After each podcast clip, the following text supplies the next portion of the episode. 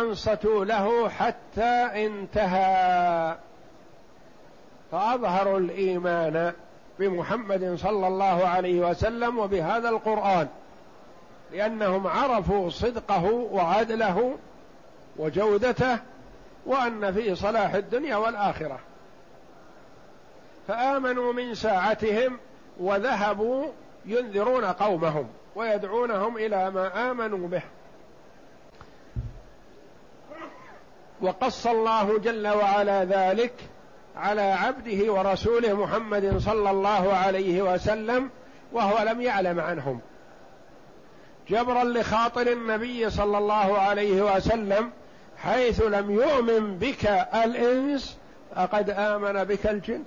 فدعوتك واضحة. وأنت تدعو للذي هو خير. استجاب الجن ورفض الإنس. وفيه تبكيت وتوبيخ لكفار قريش.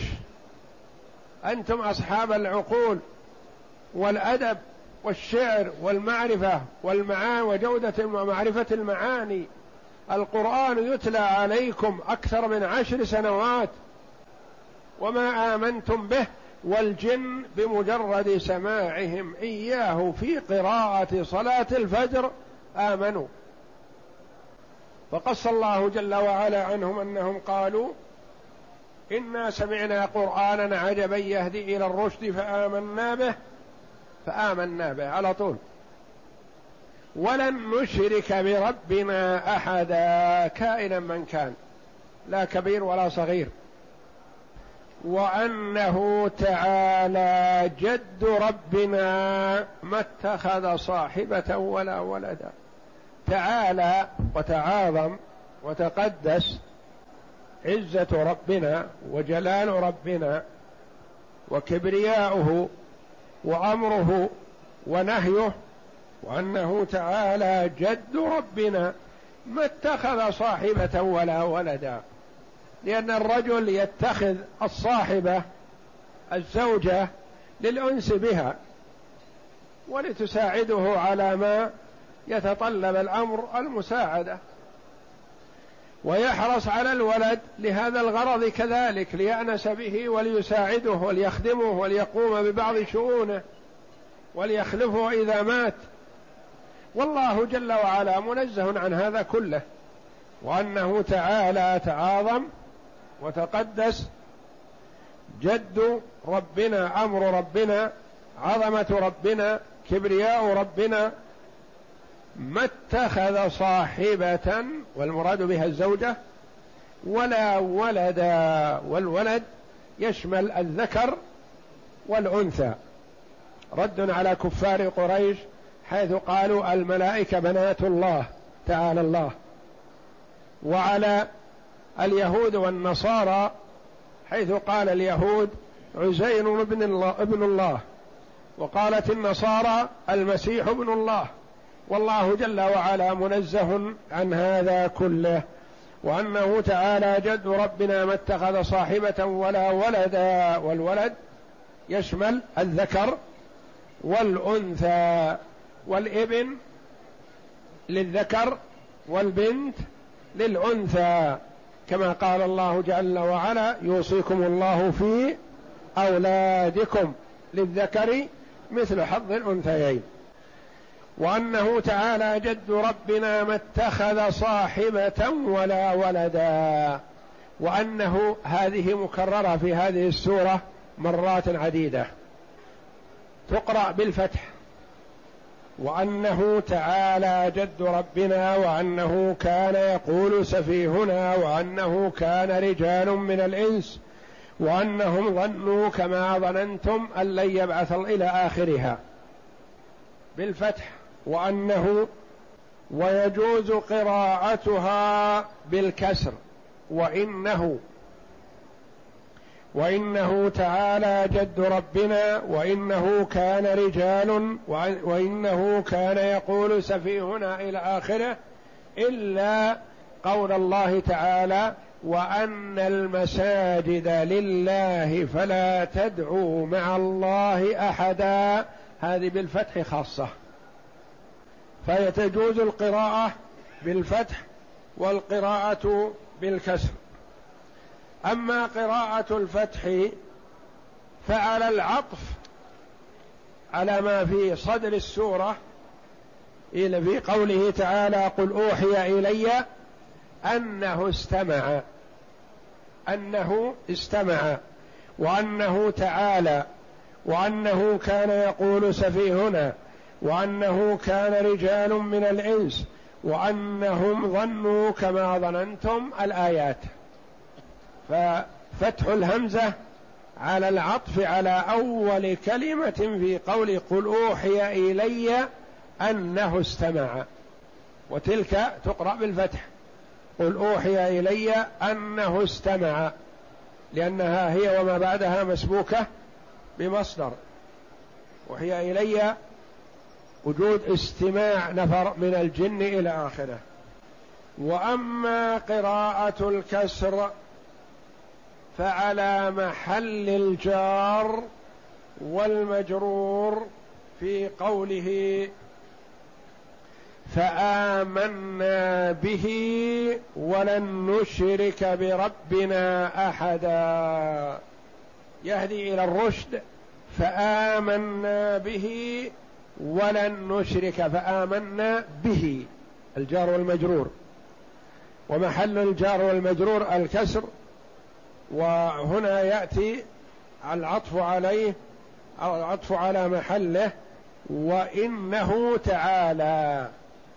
فآمنا به ولن نشرك بربنا أحدا وإنه تعالى جد ربنا وإنه كان يقول سفيهنا على الله شططا وإنا ظننا وإنا ظننا أن لن تقول الإنس والجن على الله كذبا الآيات. إذا يجوز فيها الفتح كلها ويجوز فيها الكسر إلا قوله جل وعلا وأن المساجد لله كما سيأتي فلا تدعوا مع الله أحدا. وأنه تعالى جد ربنا ما اتخذ صاحبة ولا ولدا وأنه كان يقول سفيهنا. سفيهنا قال بعض المفسرين المراد إبليس لأنه هو الذي أضلهم وأغواهم وهو المتمكن في السفه. وأنه كان يقول سفيهنا على الله شططا يعني يقول كذبا. يقول على الله افتراء كذب. وقيل المراد بالسفيه هنا كل مشرك. ولعل هذا أقرب لأنهم يتحدثون عمن حولهم ومن معهم. وقد يكون اتصلوا بإبليس وقد يكون لم يتصلوا به ولم يعرفوه. وإنما أخذوا ممن كان معهم وحولهم. وأنه كان يقول سفيهنا يعني المشرك. وكلهم كانوا مشركين قبل أن يسمعوا هذا النداء من الله جل وعلا في قراءة النبي صلى الله عليه وسلم في صلاة الفجر. وأنه كان يقول سفيهنا على الله شططا والشطط هو البعيد البعيد عن الصواب من الكذب والافتراء ونحوه لأن كلمة شط وشطط تشعر بمعنى البعد والافتراق. كان يقول سفيهنا على الله شططا. وأنا ظننا أن لن تقول الإنس والجن على الله كذبا. يعتذرون عن شركهم وزعمهم ومن زعم منهم أن لله صاحبه أو لله ولد. يقولون ما كنا نظن أو يخطر على بالنا أن الإنس والجن يكذبون على الله وهو خالقهم. فنحن تابعناهم وأطعناهم من باب إحسان الظن بهم. لكن ما تصور أنهم يخلقهم الله وينعم عليهم ويعطيهم ثم يعبدون معه غيره. ما كنا نظن إلا أن هذا جائز مشروع أن الله شرعه. وأنا ظننا أن لن تقول الإنس والجن لأن هذا الشرك شائع في الجن والإنس. ونحن يقولون اتبعناهم. أخذنا بما أخذوا به. وما كنا نتوقع أو يخطر على بالنا أنهم يكذبون على الله. فإذا بالواقع والحقيقة أنهم يفترون على الله كذبا. بعدما سمعوا القرآن علموا أن ما عليه الجن والإنس افتراء وكذب.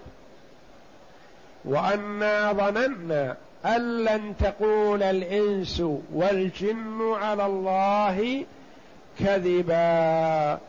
اقرأ. يقول تعالى وأنه تعالى جد ربنا. قال علي بن أبي طلحة عن ابن عباس جد ربنا أي فعله وأمره وقدرته. وقال الضحاك عن أمره وقدرته وجلاله عظمته وشرفه. نعم. وقال الضحاك عن ابن عباس جد الله آلاؤه وقدرته ونعمته على خلقه. ما اتخذ صاحبة ولا ولدا أي تعالى عن اتخاذ الصاحبة والولد أي قالت الجن تنزيه الرب جل جلاله حين أسلموا وآمنوا بالقرآن عن اتخاذ الصاحبة والولد. ثم قالوا وأنه كان يقول سفيهنا على الله شططا.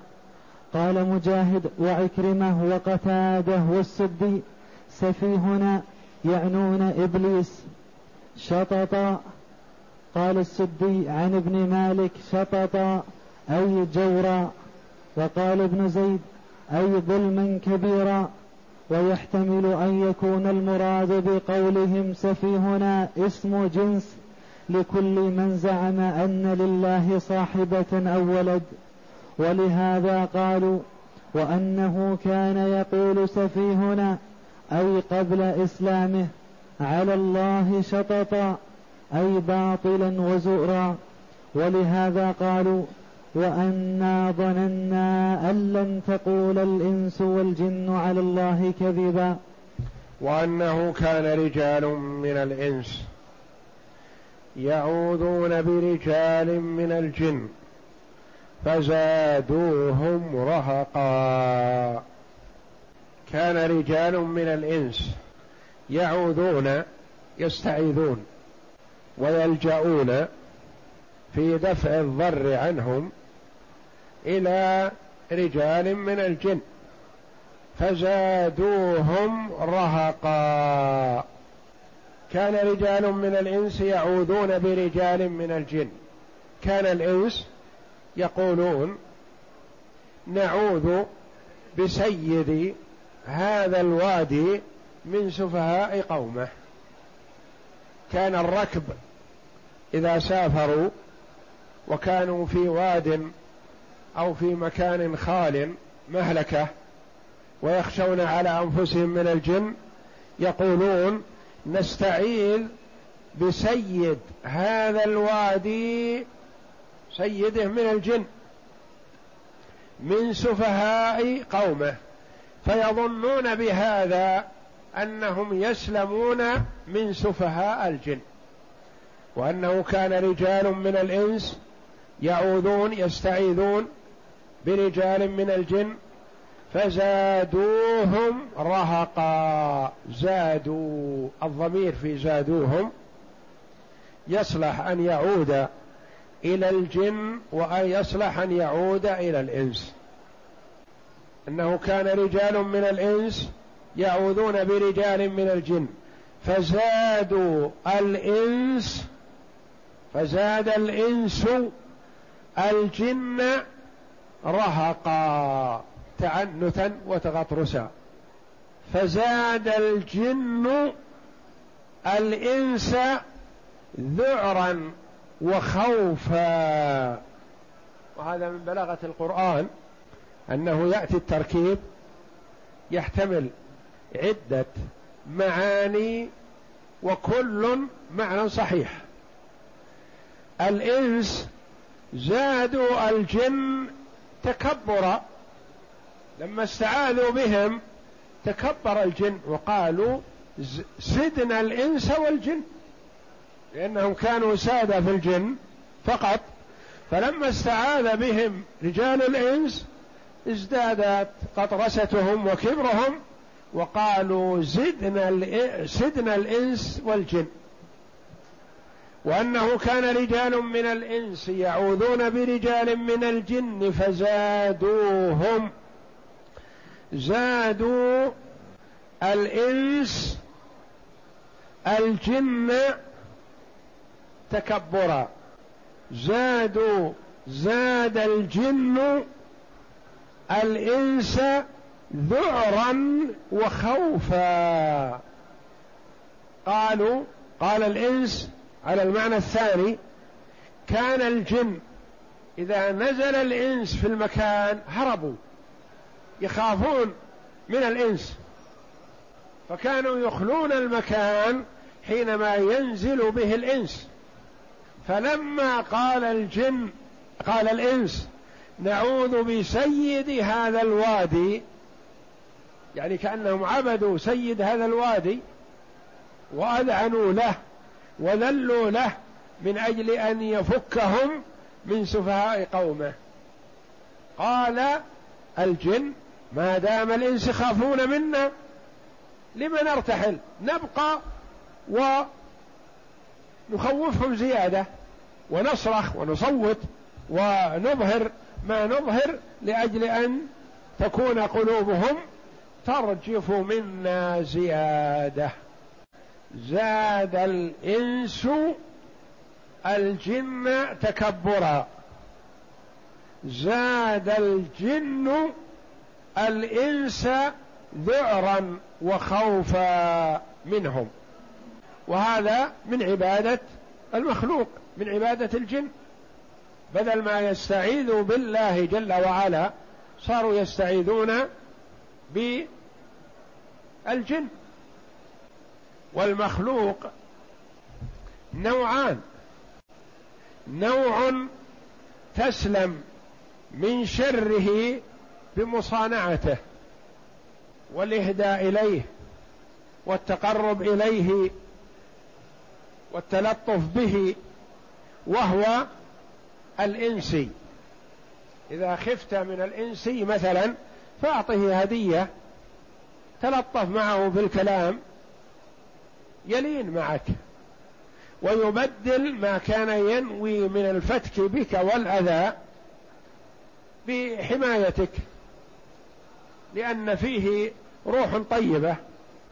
الجن إذا التجأت إليه وتقربت إليه زادك خوفا وذعرا كيف تسلم منه؟ بالتعوذ بالله جل وعلا من شره. ما تنفع في مصانعة. فإذا الذي بينك وبينه عداوة كأنه ولي حميم. وإما ينزغنك من الشيطان نزغ فاستعذ بالله إنه هو السميع العليم. فالإنسي صانعه بالهدية والعطية ونحو ذلك والجن ما تسلم منه إلا بالاستعاذة بالله جل وعلا. إن الذين قالوا ربنا الله ثم استقاموا تتنزل عليهم الملائكة ألا تخافوا ولا تحزنوا. وأبشروا بالجنة التي كنتم توعدون. نحن أولياؤكم في الحياة الدنيا وفي الآخرة ولكم فيها ما تشتهي أنفسكم ولكم فيها ما تدعون. نزلا من غفور رحيم. وما يلقاها إلا الذي ومن أحسن قولا ممن دعا إلى الله وعمل صالحا وقال إنني من المسلمين ولا تستوي الحسنة ولا السيئة ادفع بالتي هي أحسن. فإذا الذي بينك وبينه عداوة كأنه ولي حميم. ادفع بالتي أحسن بالحسنة. وإما ينزغنك من الشيطان نزغ فاستعذ بالله إنه هو السميع العليم.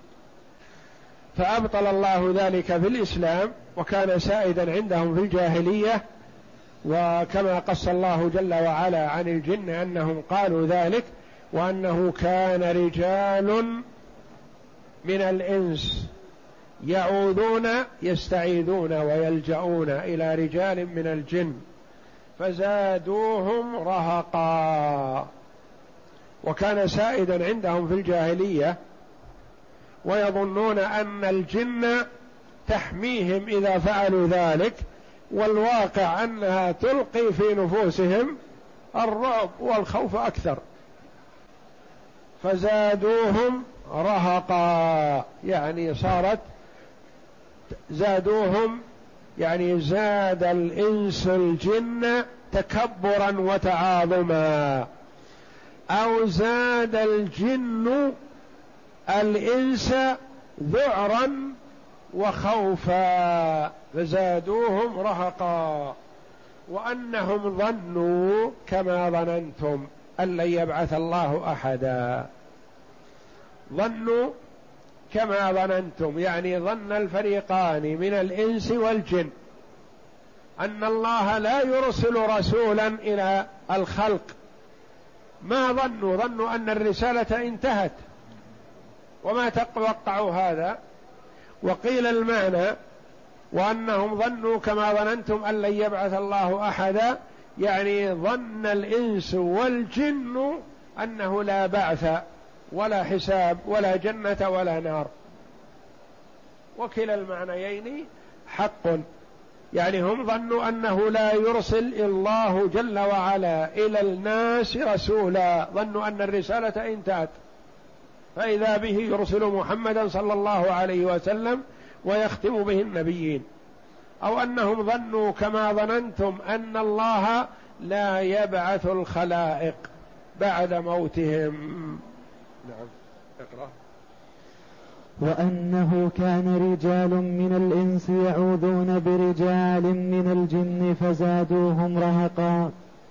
أي كنا نرى أن لنا فضلا على الإنس لأنهم كانوا يعوذون بنا إذا نزلوا واديا أو مكانا موحشا من البراري كما كانت عادة العرب في جاهليتها يعوذون بعظيم ذلك المكان من الجن أن يصيبهم شيء يسوءهم كما كان أحدهم يدخل بلاد أعدائه في جوار رجل كبير فلما رأت الجن أن الإنس يعوذون بهم من خوفهم منهم زادوهم رهقا أي خوفا وإرهابا وذعرا حتى بقوا أشد منهم مخافة وأكثر تعوذا بهم. كما قال قتادة فزادوهم رهقا أي إثما وازدادت الجن عليهم بذلك جرأة. وقال الثوري فزادوهم رهقا أي زادت الجن عليهم جرأة. وقال السدي كان الرجل يخرج بأهله فيأتي الأرض فينزلها فيقول أعوذ بسيد هذا الوادي من الجن أن أضر أنا فيه أو مالي أو ولدي أو ماشيتي والله أعلم وصلى الله وسلم وبارك على عبد ورسول نبينا محمد وعلى آله وصحبه أجمعين.